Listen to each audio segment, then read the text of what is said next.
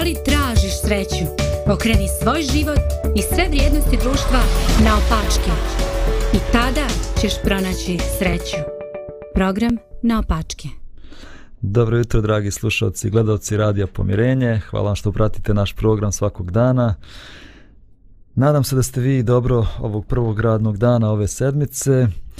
Evo, ja pozdravljam u studiju moju koleginicu Lidiju i također našeg dragog prijatelja Milana koji će u nekom narednom periodu da bude sa nama ovdje u odsustvu naše koleginice Dragane. Također pozdravljamo i Zdravka koji nam se javlja iz njegovog lijepog doma u Srpcu. Pozdrav, pozdrav, pozdrav. Bože i za tebe. Da li se čujemo? Čujemo se, čujemo se. E, super. Evo da i ja se pridružim pozdrav Milana i da kažem da sam u čast njegovog dolaska i ja prilagodio frizuru. Hvala, Zdravko. Dobro, samo ne znam jesi u čast njegovog dolaska nabavio i te crvene slušalce. Ovo crvene, to mi ovaj, e, to mi onako podiže tonus, pa ne mogu, mislim, ono, vi mladi možete da stavljate šta hoćete, crno, bijelo i tako, a mi malo stariji moramo dodati malo dinamike.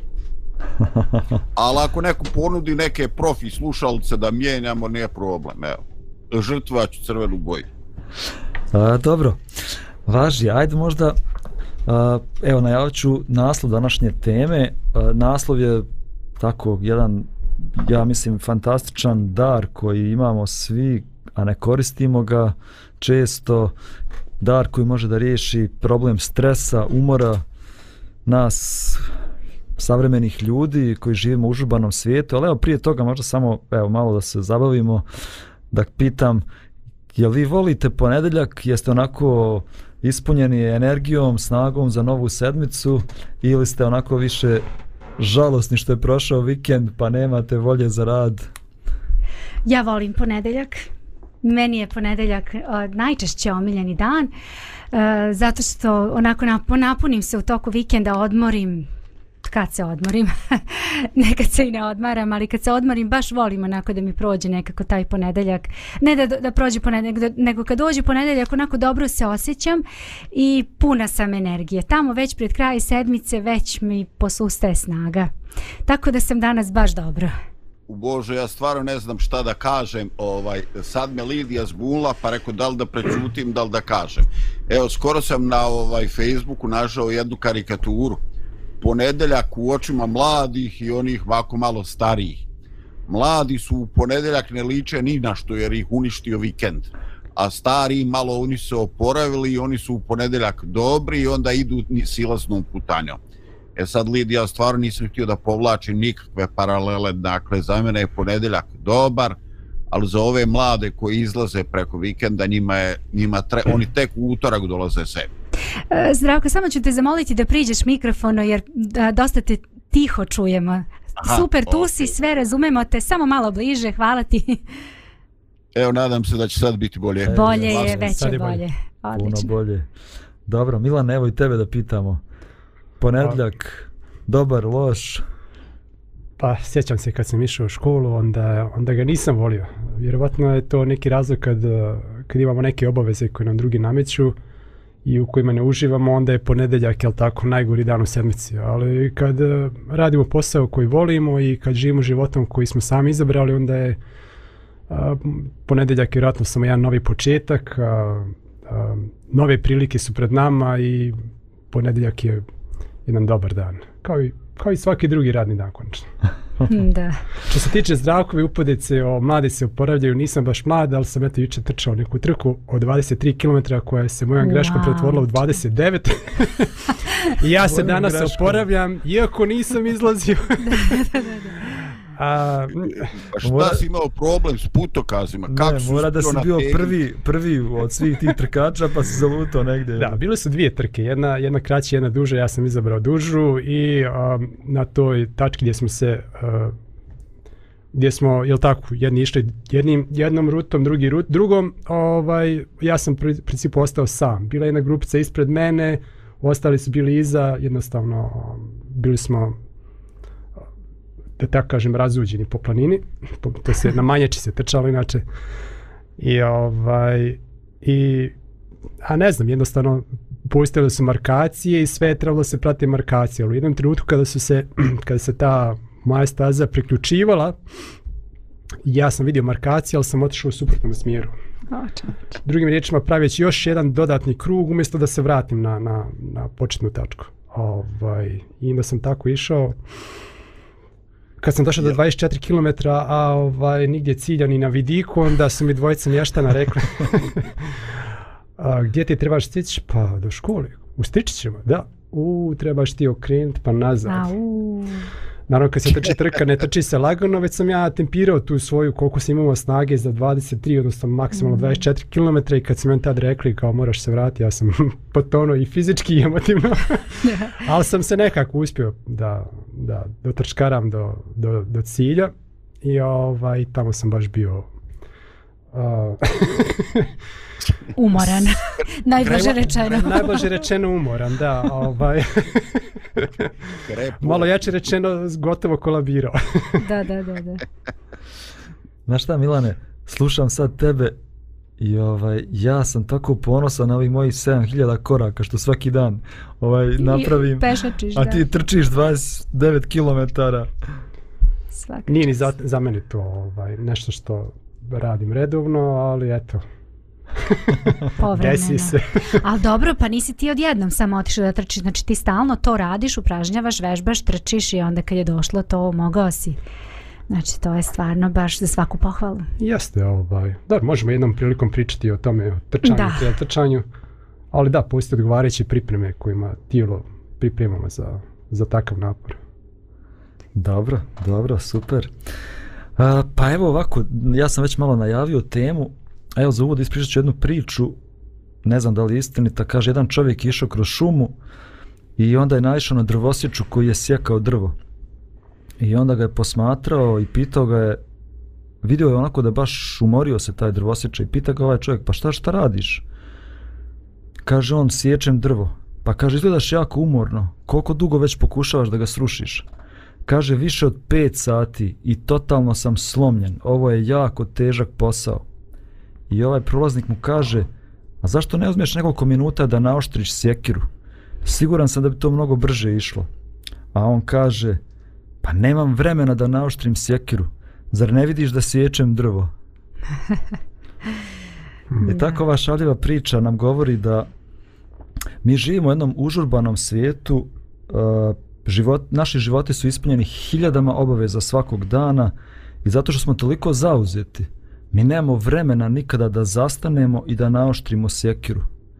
I kao rezultat toga plaćamo jako visoku cijenu. Savremena medicina nam govori da je stres uh, zdravstveni problem broj 1.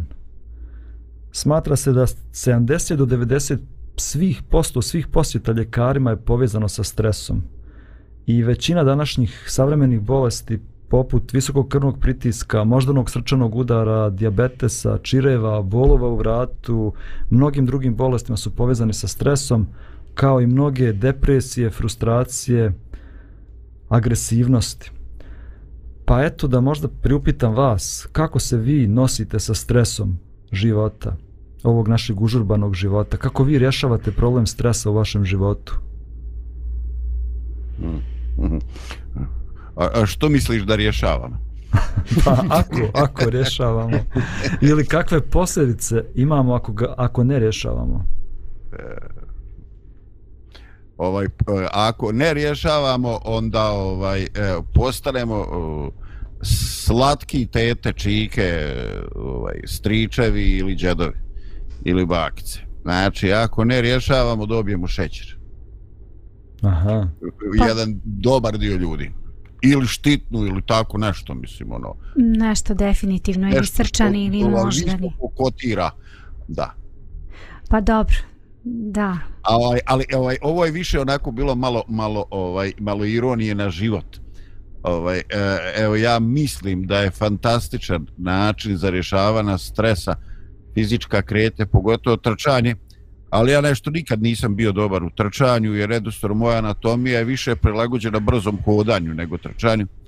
Ovaj, ali evo otkriću vam tajnu. E, za mene neke moje psiho ovaj, e, sklonosti ništa me nije tako opuštalo kao boravak kraj tekuće vode. Znači, mm. ovaj, štab za pecanje, brate, i onda najveći, najteži stres jako brzo se ovaj ublaži. Kad sam, ali što vrijeme prolazi sve manje imam vremena da idem na vodu to je razlog zašto se ti Bojan dobro slažete. Znači kao da njega slušamo, ovaj njegova, njegova izjava definitivno. To je Baš, istina, vjeruj svome super. Ma ne da mu verujem, nego se u potpunosti slažem. Ja osim što stvarno pecanje nešto mi baš ne ide. Nije da ga ne volim, nego nešto mi nisam, nisam onako uopšte strastvena kad je to u pitanju. Super podržavam sve, ali nešto nisam. Ali jako volim vodu. Mi smo juče proveli pola dana blizu vode šetali, družili se, divno vreme smo proveli zajedno. I to meni puni nekako baterije i, i smanjuje mi nivo stresa.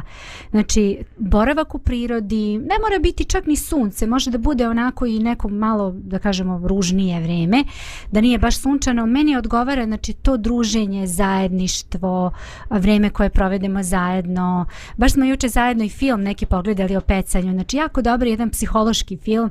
Baš je onako bio super. Svi smo ga zajedno gledali, komentarisali. A to isto onako puni neke moje baterije baterije, smanjuje mi nivo stresa i naravno muzika. ja čim dođem kući, krenem da kuvam, ja već uključim sebi nešto zavisnosti od raspoloženja i to me onako vraća u neko, neko bolje, ovaj, mm, u neko drugo osjećanje, to jest ne, neki drugi mood, što bismo rekli, ovaj, onako odmara me baš. Mm -hmm. Pa dobro, hvala vam.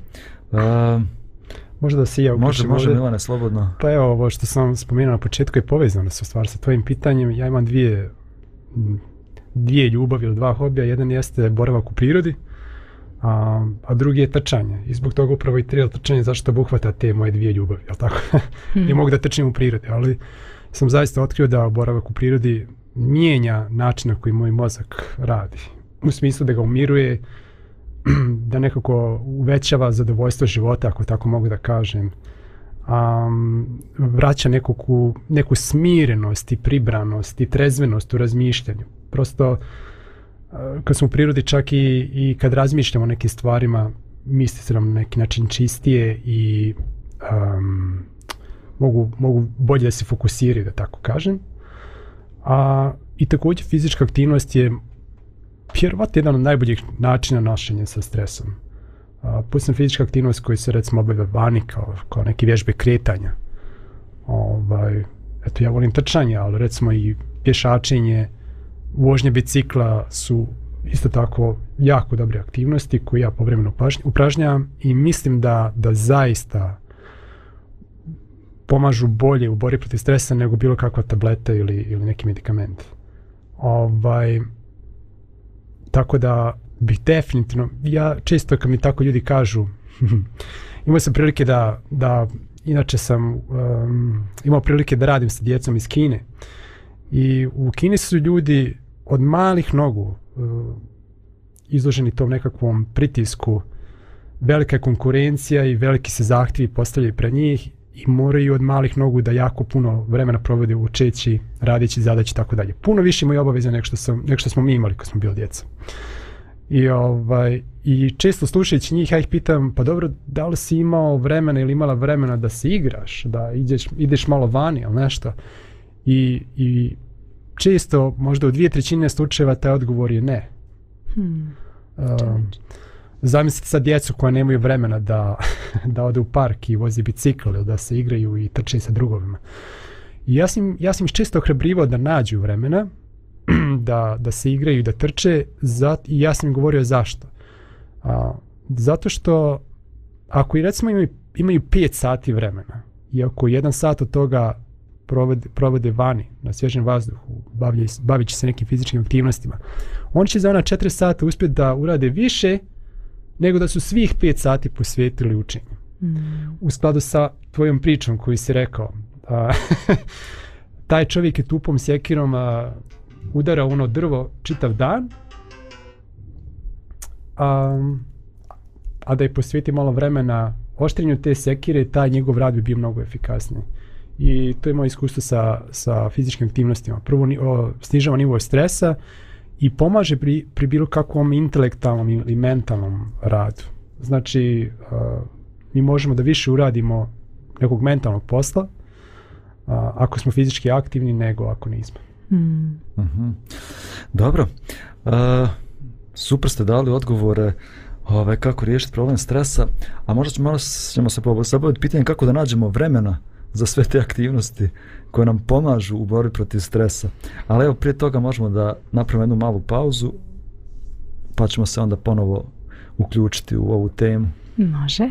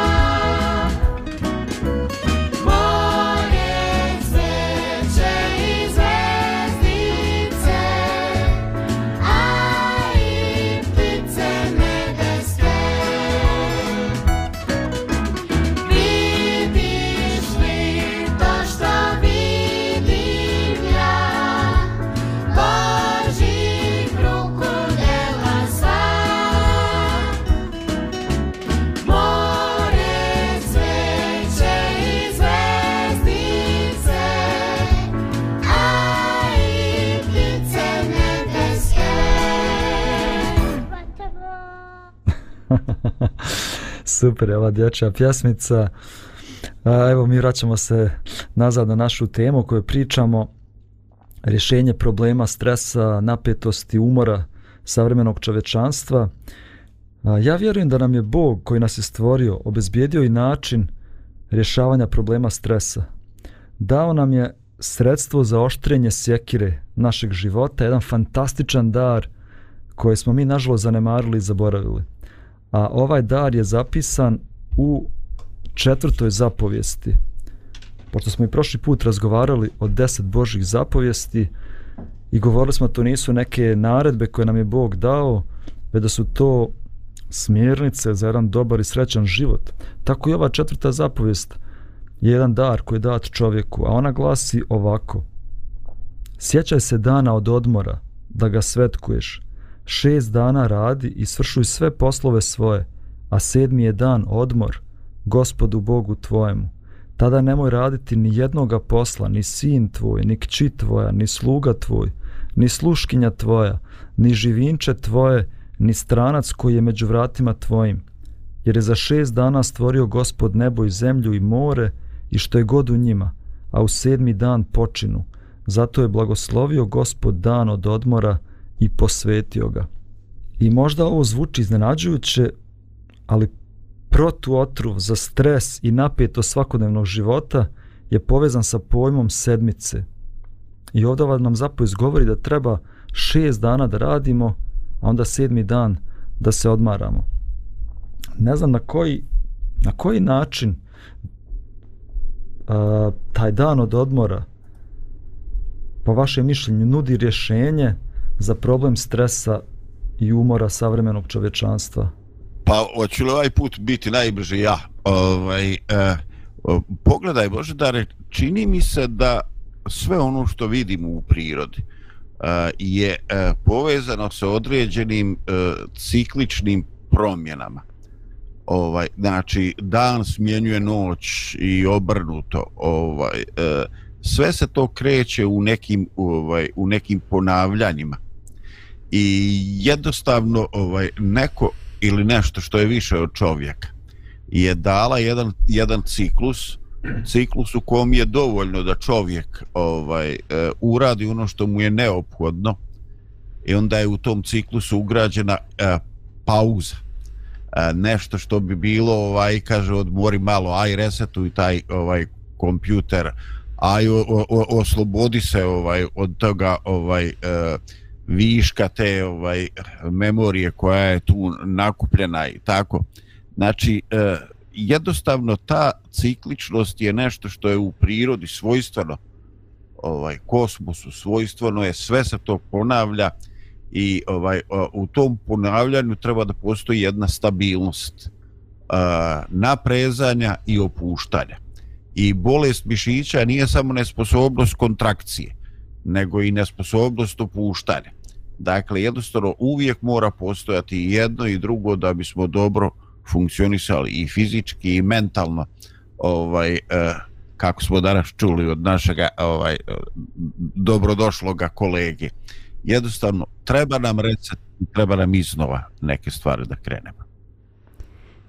Možda da pojasnimo ove neke stvari a, što je Zdravko poče da govori. Uh, da, zaista svaka jedinica za vrijeme koje koristimo je ima neko svoje, da kažemo, astronomsko opravdanje. Znači, dan je period jednog dana odgovara jednoj rotaciji zemlje oko sobstvene ose, a godina odgovara a, jednom periodu koje zemlje treba da napravi krug oko sunca, odnosno jednoj revoluciji oko sunca.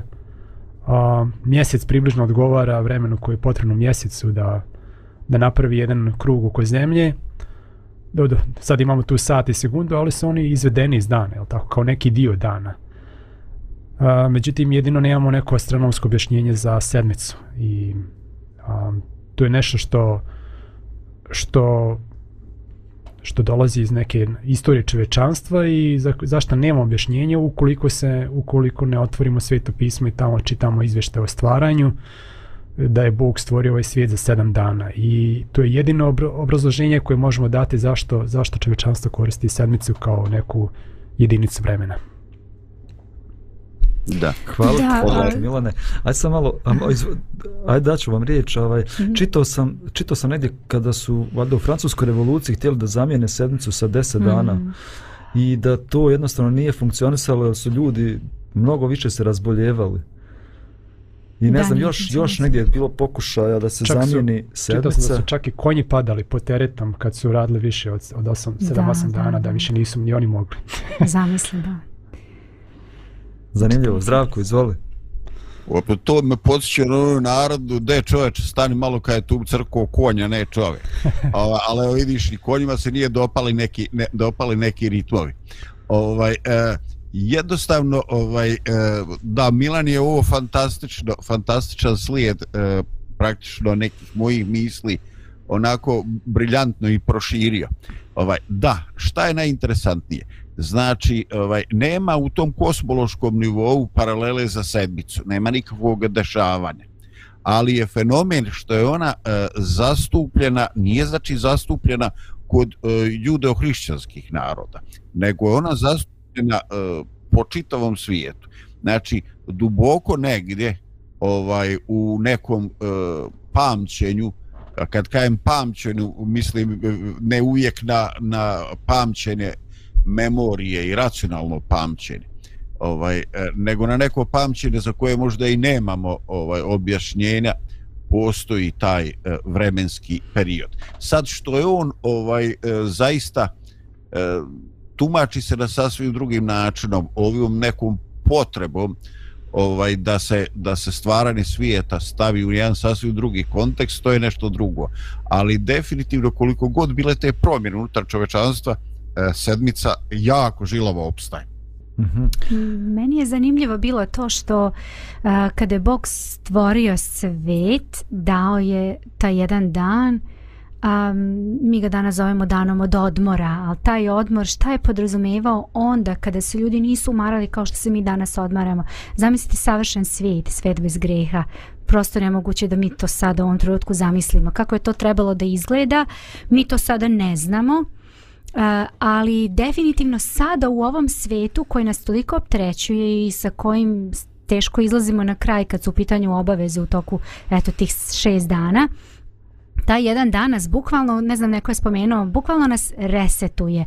Mi kad smo sada govorili šta smo, kako smo eto vikend proveli i tako, kako smo se odmorili, ja mislim da niko od nas možda nije spomenuo, mi smo čitav dan ležali i spavali, što je također deo odmora. Možda ćemo nekad i tako provesti taj dan odmora, ali jednostavno promjena tih nekih aktivnosti, usmeravanje naše pažnje na nešto drugo, drugačije, je samo po sebi nešto fantastično.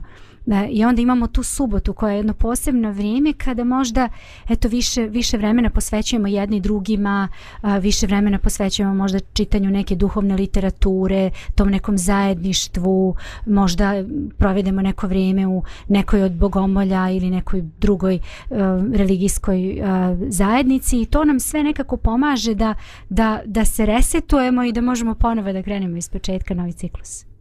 Dobro, hvala ti Lidija. Uh, Pa malo, malo ćemo govor, govorit ćemo više aspekata tog dana od odmora, zato što mislim da stvarno ima tu puno uh, puno različitih aspekata koje ono buhvata. Aj prvo da govorimo malo o tom nekom umoru i stresu. Koliko znači za čovjeka jedan dan odmora? Evo malo smo govorili da, da je nemoguće ni životinje da rade više od sedam dana bez odmora.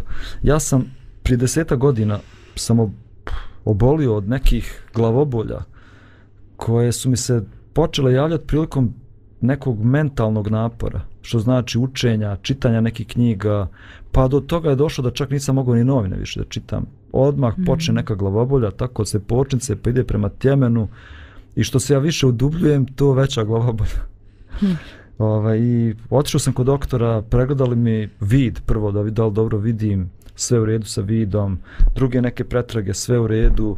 I onda pita me ta doktorica, pa šta ti radiš u životu? I ja njoj počeo da nabrajam. Uh, radim ovaj projekat, radim onaj projekat, vodim uh, javnu kuhinju, uh, vodim Let's Do It projekat u 120 opština, radim moj master, završavam sada master. Ovaj, I ona meni kaže, pa sad ću tebi reći diagnozu. Kaže, te glavobolje koje imaš se zovu tenzione glavobolje.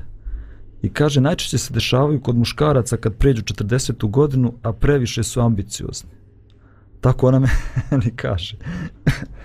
I doktorica kaže, ali lako se to može riješiti. Jednostavno moraš da izbalansiraš svoj život. A, pored svih tih obaveza moraš da nađeš vrijeme za odmor, za relaksaciju.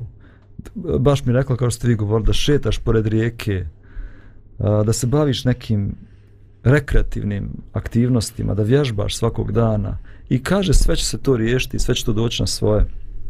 Nećeš više imat glavobolje.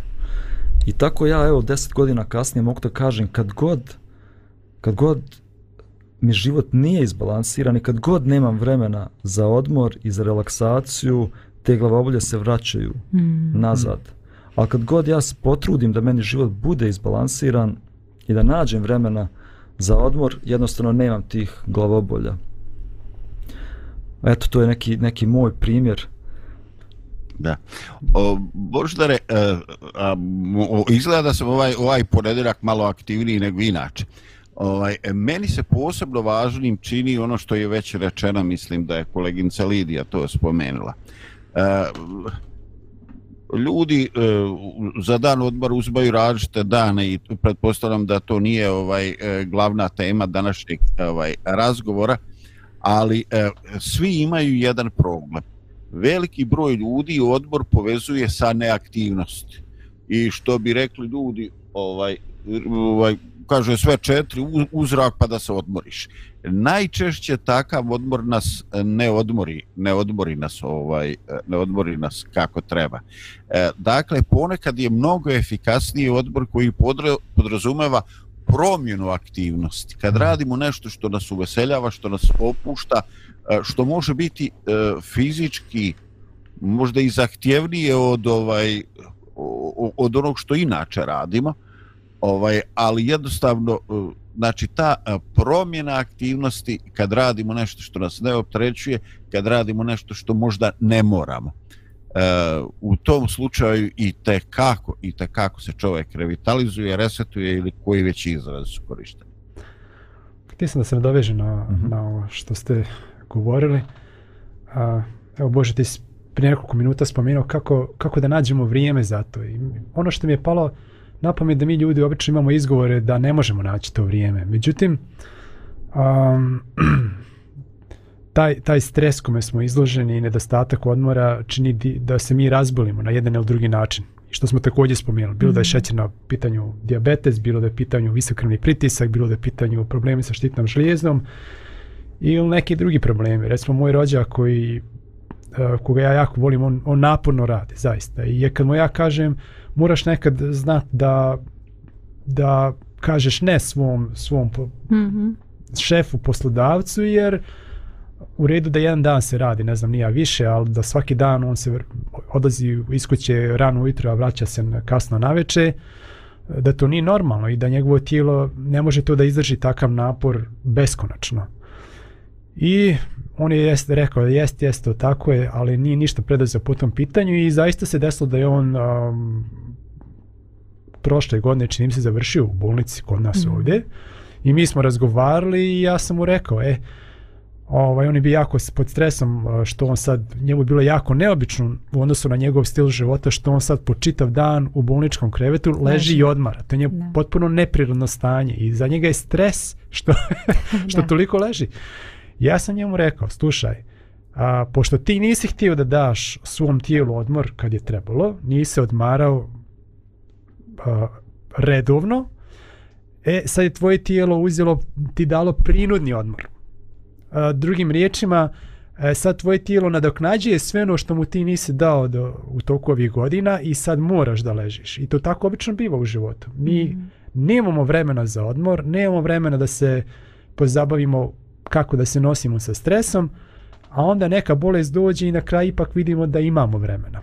Kad, kad prigusti, jel tako? Tako da, da, da mislim da je, da je izbor koji je pred nama ne da li imamo vremena ili ne, već da li ćemo danas, dok smo zdravi, da odvojimo to vrijeme ili ćemo da sačekamo da se razbolimo pa da onda prinudno odvojimo to vrijeme i činimo sve što je u našoj moći da povratimo izgubljeno zdravlje. Tako da, da, je, da je taj izbor pred nama. Ne da, ne da li ću ja da danas dan gubim ili ne, već da li ću ja da, da izaberem da budem zdrav danas ili ću to morat da radim kad se razbolim. Mm. Hvala ti, hvala ti Milane.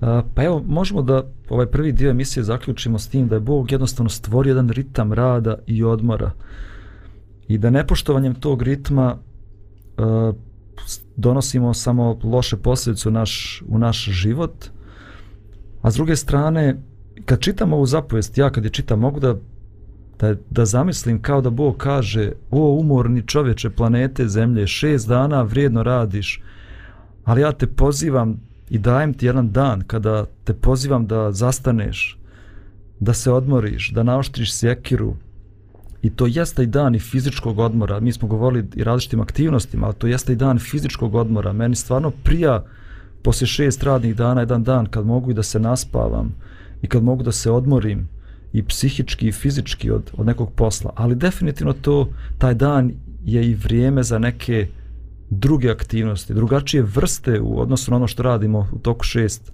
šest radnih dana. Pa ajde o tome ćemo razgovarati u nastavku emisije, a prije toga jedna muzička tačka. Može?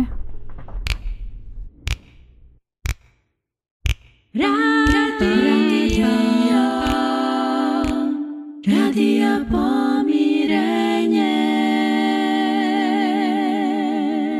Hvalite gospoda, hvalite ga ljudi Hvalite neuki, hvalite premudri Aliluja Hvalite ga deco i vi roditelji Hvalite angeli i svi svetitelji Aliluja Ono kiti zemlju cvećem šarenijem, hvalite gospoda pesmama novijem, Aliluja. On oblači zemlju zimi snegom beli, hvalite gospoda životom sve celi, Aliluja. Prolećem je rosi, kišom blagotvorno, hvalite gospoda pesmom neumorno, Aliluja. On je letom greje i gromom je čisti, hvalite gospoda, on je uvek isti, Aliluja. U jesenje kiti izrelim plodovima, hvalite gospoda, reču i delima, Aliluja. On na zemlju siđe, da zemlju isceli, hvalite gospoda, golubovi beli, Aliluja. On porugu primi i na krstu strada, hvalite gospoda, u njega je nada, Aliluja. Smrt okusi ljutu i svu smrtnu žalost, hvalite gospoda, u njemu je radost, Aliluja. I zemlja ga znade za tri dana mrtva, hvalite gospoda, on je za nas žrtva, Aliluja. Al ne struli gospodno, ustade moćno, hvalite gospoda, pojte dano noćno, Aliluja. Ljudima se mnogim gospod javi potom, hvalite gospoda uzvišenom notom, Aliluja. I opet će doći gospod preumilni, hvalite gospoda svi u veri silni, Aliluja. Doći će da sudi grešnim i pravednim, hvalite gospoda sa dušama čednim, Aliluja. Neće biti kraja njegovome slavlju, hvalite gospoda s plamenom ljubavlju, Aliluja.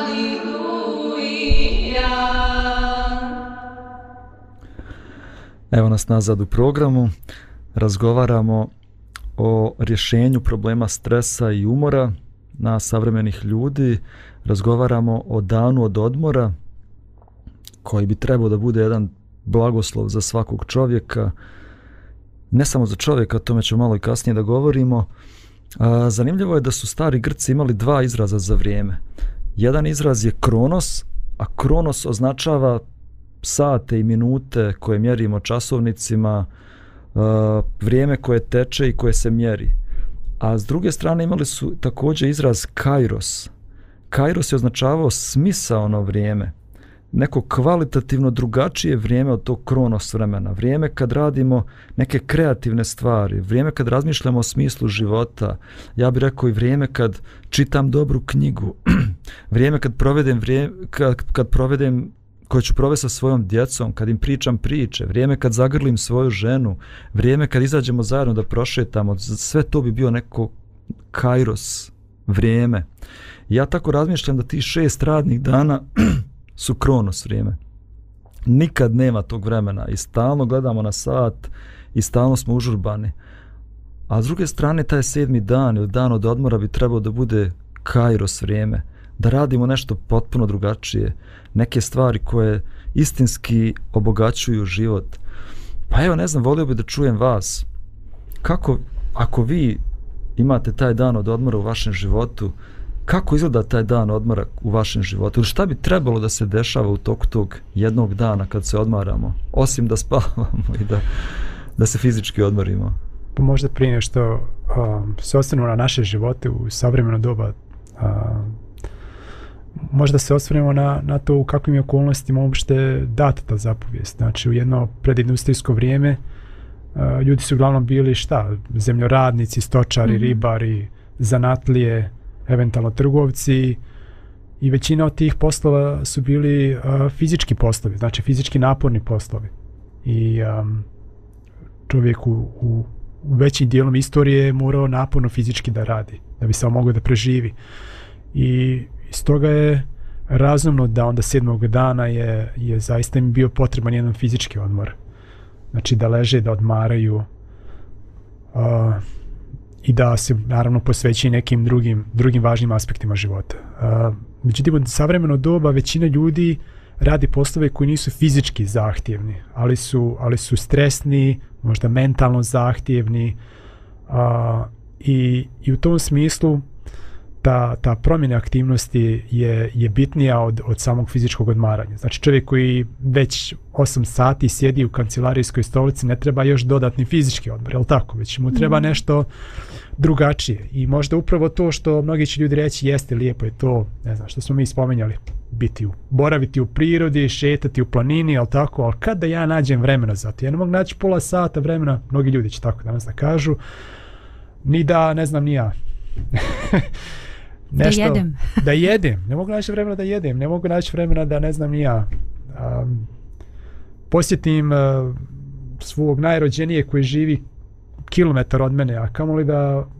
Uh, e pa ovo je to, taj sedmi dan bi trebalo da bude ta, to vrijeme, je tako? Znači, kad, kad ne moramo da radimo, već možemo da odemo i da damo um, i, našoj, i, našoj, i našem tijelu i našoj duši ono što je potrebno. Uh, u tom slučaju ako je to jedan sedentarni stresan život a, ispunja rada koji nije fizički zahtjevan onda je možda upravo idealno u taj dan otići u prirodu i pješačiti mm. bolje no. nego, nego ostati ležati u krevetu je tako a s druge strane ako čovjek zaista fizički naporno radi u toku tih u toku sedmice i, i njegovo tijelo je umorno ja mislim da je idealno da se odmara u taj dan i da, da što manje radi da možda uh, možda zapusti druge aspekte svoje ličnosti, intelektualni, duhovni, a da dopusti da mu tijelo odmori, jer je to njegovom tijelu potrebno da čita. Zanimljivo je kako telo, uh, kako se telo prilagodi tom sedmičnom ciklusu. Kad vi uh, godinama, evo recimo ja iz mog iskustva, kad godinama, godinama nekako taj, taj jedan dan odmora uh, provodim na određen način, onda uh, sećam se kad sam bila uh, u Beogradu, sam se recimo porodila sa Evom, u Tuzli smo onda živeli, ali da skratim priču, nismo imali osiguranje, zdravstveno jednostavnije nam je bilo da se u Beogradu porodim i onda sam otišla tamo, porodila se i malo sam duže ostala sa njom u bolnici Uh, I sećam se uh, tog petka i sad ja sam sva bila u toj priči. Sad vi mame koje slušate ovo tačno znate o čemu pričam. Vi ni o čemu drugome ne mislite nego samo na svoju bebu i na to da sve bude kako treba da to sve prođe kako treba i tamo imate neke druge ciklose koje kako vam dan prolazi. Ali sećam se petka. I sad petak popodne. I uopšte ne znam koji je dan. Znači uopšte nisam razmišljala sad to je petak. Uh, ja petak popodne, ali ja osjećam ma nešto mi je drugačije ovaj dan, gledam oko sebe, ma nešto, nešto, nešto vidim drugačije je. I meni klikne, pa petak popodne, a ti petkom popodne obično se pripremaš, završava možda ručak. Ja volim recimo da, da subotni dan provedem tako što ne moram da kuvam ručak. Zamislite da mi žene, mame ne moramo da kuvamo ručak jedan čitav dan. Sve to pripremimo dan ranije. I ne moraš da misliš na to, da misliš sada, ne znam, suđe, da pereš, da pečeš. Ne, sve već spremno, subotom samo podgrijemo, jedemo fantastično. Ja to petkom radim i onda to vrijeme neko može za još čišćenje, završavanje nekih stvari. I onda sam se onako setila, ha, to je to vrijeme toliko podesite vaš, vaš uh, ciklus životni na to da jednostavno vi ne možete drugačije nego da, da to vrijeme provedete na taj neki način. Znači nema kuvanja, nema čišćenja kuće, ne morate to da radite, odlučite jednostavno taj dan posvetite nekim drugim stvarima kao što si ti Milane rekao, koje možda, za koje možda nemamo vremena u toku sedmice.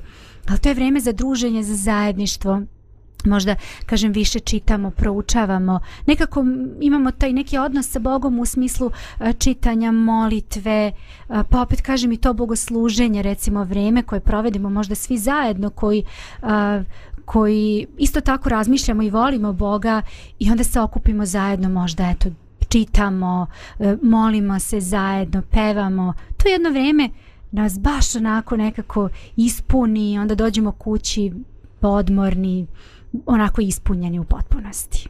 Da, govorili smo o tome na koji način nam taj dan od odmora pomaže, osim fizičkog odmora, da imamo i neke druge aktivnosti, da možemo da posjetimo nekog rođaka, prijatelja, Milan je rekao, za koje nema vremena inače mm. u toku radnih dana.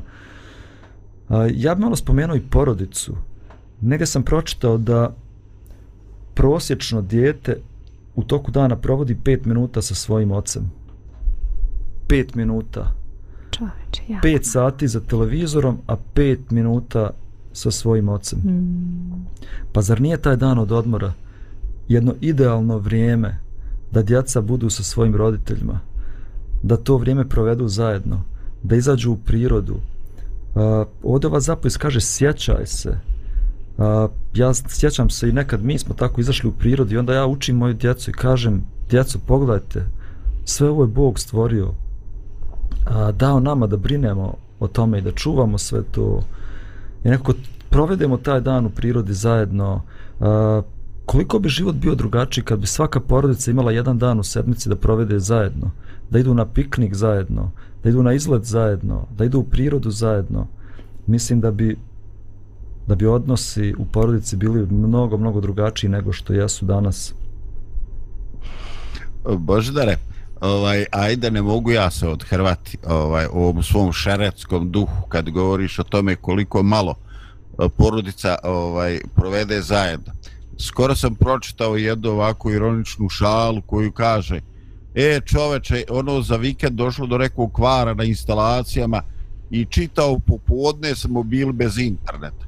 I onda šta, bili smo, čekali smo da dođe internet, bili smo prinuđeni da se družimo i kaže ovaj bio sam svojima u kući kaže mogu vam reći fin neki ljudi. Da super. A evo mi vrijeme nam nekako odmiče ja sam želio još dostati neke stvari da, da razgovaramo. Uh, ajde pokušat ćemo još u ovom kratkom vremenu da odgovorimo na pitanja. Kako taj dan od odmora može da bude blagoslov i za ne samo za čovjeka nego i za prirodu Pa čak se ovdje u ovoj zapovesti spominju i životinje. Evo Milan je malo spominjao i životinje. Ne znam jeste razmišljali o tome. Mi koji imamo kućne ljubimce, ali da, zanimljivo. Oni ljenčare da. svaki dan. Upravo to, to da kažem sad. da, možda u tom smislu ne znači, ali, ali ljudi koji imaju životinje koje su također ovaj, vrlo aktivne u toku sedmice rade, njima jeste značajan taj dan od odmora dan za odmor, da, da ne moraju da, da i one rade. Da. Da nije zanimljivo da Bog brine i o životinjama? Yes. Da nije rekao samo čovjeku, evo ti se odmori, a životinja ne kradi svaki dan, nego čak on brine i o životinjama. A, I za insana i za hajvana, a? Da, čak postoji u Svetom pismu i zapo, jedna zapovijest koja govori o tome da šest godina treba obrađivati zemlju, a da sedmu godinu zemlja treba da se odmori. Mislim da smo to spominjali jednom u emisiji, da, da smo baš govorili da. o tome, da, sad sam se setila te teme, da, Bog je neverovatan, znači Bog kad, kad daje nešto, daje s razlogom i brine o svemu, baš o svemu, pa eto i o zemlji. Sad bi nam dobro došao, pardon, sad bi nam dobro, dobro došao neki, neki stručnjak za poljoprivredu da nam objasni, ali ali vjerujem da nam je svima poznato da zemlja može biti iscrpljena a, mm. prekomjernim korištenjem bez, bez odmora i a, vjerovatno je imalo i tu neku ulogu zaštitnu da zemlja ostane plodna i za buduće generacije a ovaj Mada kad čitam, kad sam čitao taj, taj tekst u Svetom pismu, mi se čini da je to imalo i nekakvu, um, da kažem, duhom, funkciju um, duhovne pouke za, za Izraelcu. U smislu da da mi svoju sigurnost da ćemo imati šta da jedemo baziramo na svom poslu, a njihov posao je bio da obrađuju zemlju, tako da mm -hmm. i da ako moraju da, da se odreknu da jednu godinu siju, to znači one se odriču prihoda od zemlje a to su njihovi cjelokupni prihod. Sad zamislite, neko se odrekne jedne svoje plate, mi bismo rekli kakav čovjek, je tako, kakav veličina od čovjeka. Zamislite, odreknete se godišnje plate, a ipak vjerujete da ćete imati od čega da živite. A, i, I mislim da je to neka bila i lekcija o, o povjerenju koji su, a, koja je bila tada data a, Izraelcima, u kome, kojima je to vrijeme ta zapovijest bila upućena, da, da njihovo pouzdanje nije na njihovom radu i trudu i na, ne znam, nijam, na, na materijalnom, već da je njihova sigurnost u povjerenju u Boga, koji će se postarati da oni godinama žetve prije te sedme imaju toliko hrane da im bude dovoljno i za tu sedmu godinu. Znači mislim da je to bila važna lekcija, neka duhovna lekcija o povjerenju. Da bez obzira što oni marljivo rade da da je Bog taj koji im obezbjeđuje taj njihov svakdašnji hljeb, da tako kažem. Ovaj, ovo, je, ovo je fantastično, jer ovo podrazumiva još nešto onako, ovaj, eh, a to je, oni su te godine eh, mogli da koriste sa zemlje ili s prirode ono što nikne samo od sebe. I ovaj, znači, postoje, tako, ja sam imao sam knjigu nekada, e, samo Niklo je, je, ovaj, jeste u obilje.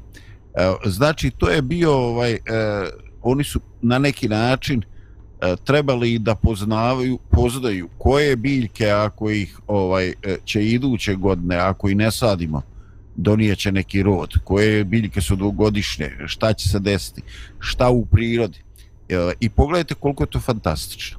Ovaj, dakle, kroz te cikluse u onoj mjeri koliko je to bilo poštovano, mislim, ja nemam taj uvid, ovaj oni su jednostavno postali sposobni da u vrijeme nekih varednih situacija, kriza, ratova, nekih e, neki drugi katastrofa, oni su bili e, nevjerovatno osposobljeni da prežive, da se snađu i da se ovaj prehrane.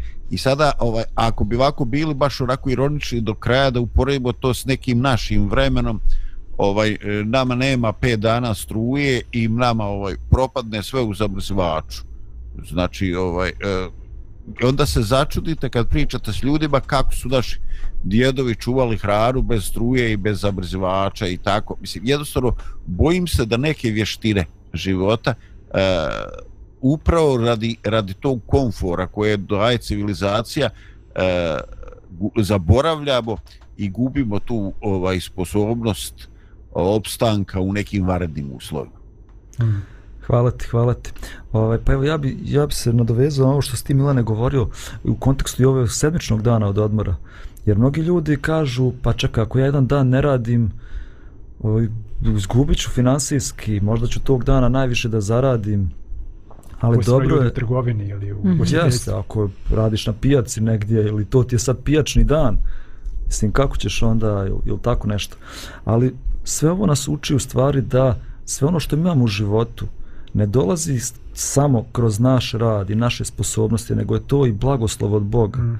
I Bog nas jednostavno uči da imamo povjerenja da čak i onda kad ne radimo i kad uzemo vrijeme da se odmorimo, da će se On pobrinuti za naše potrebe, da će blagosloviti to sve. Ja sam takve iskustva imao, ne znam, mi smo otvorili tri humanitarna second hand shopa i dali smo radnicima slobodan vikend, cijeli vikend. Znači, ljudi su govorili, pa čekaj, kako, pa subotom najviše dolaze ove mušterije da kupuju uh, kako ćete da preživite, ali preživjeli smo i dan danas sve to opstaje Božim blagoslovom, ali opet i naši radnici imaju mogućnost da se odmore i da imaju cijeli vikend da provedu sa svojom djecom i sa svojom porodicom.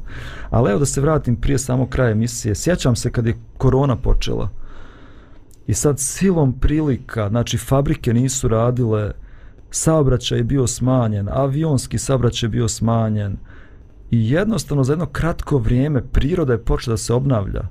Tad sam čitao, ne znam, u, u Veneciji se pojavile ribe. Prvi put, poslije ne znam koliko godina. Pa ne znam, zagađenje se smanjilo širom svijeta.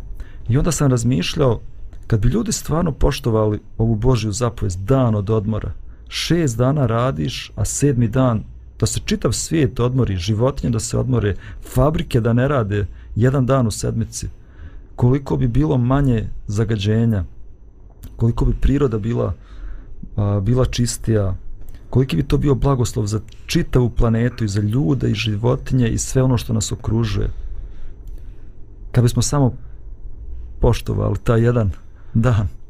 Um, da, sad tu dolazimo do, do jednog problema, to je da taj neki hm, ekstremni kapitalizam stavlja, nije ekstremni kapitalizam, već kapitalizam stavlja kao najveću vrijednost profit a, na uštrb e, ljudi koji su samo jedan resurs, na uštrb prirode koja je još samo jedan dodatni resurs, ali profit je taj koji je najbitniji u tom trci za profitom. A, jedan dan u koji fabrika ne bi radila bi bio čisti gubitak, je tako? I, um, međutim, e, mislim da, da ljudi koji duhovno promišljaju o stvarima vidi da nije profit najvažniji i da ne treba sve da bude podređeno njemu i da možda je to jedna od, od funkcija tog dana za odmor, a to je da da naši prioriteti budu ispravno postavljeni i da i da posao ne stavljamo iznad Boga, porodice i vlastitog zdravlja.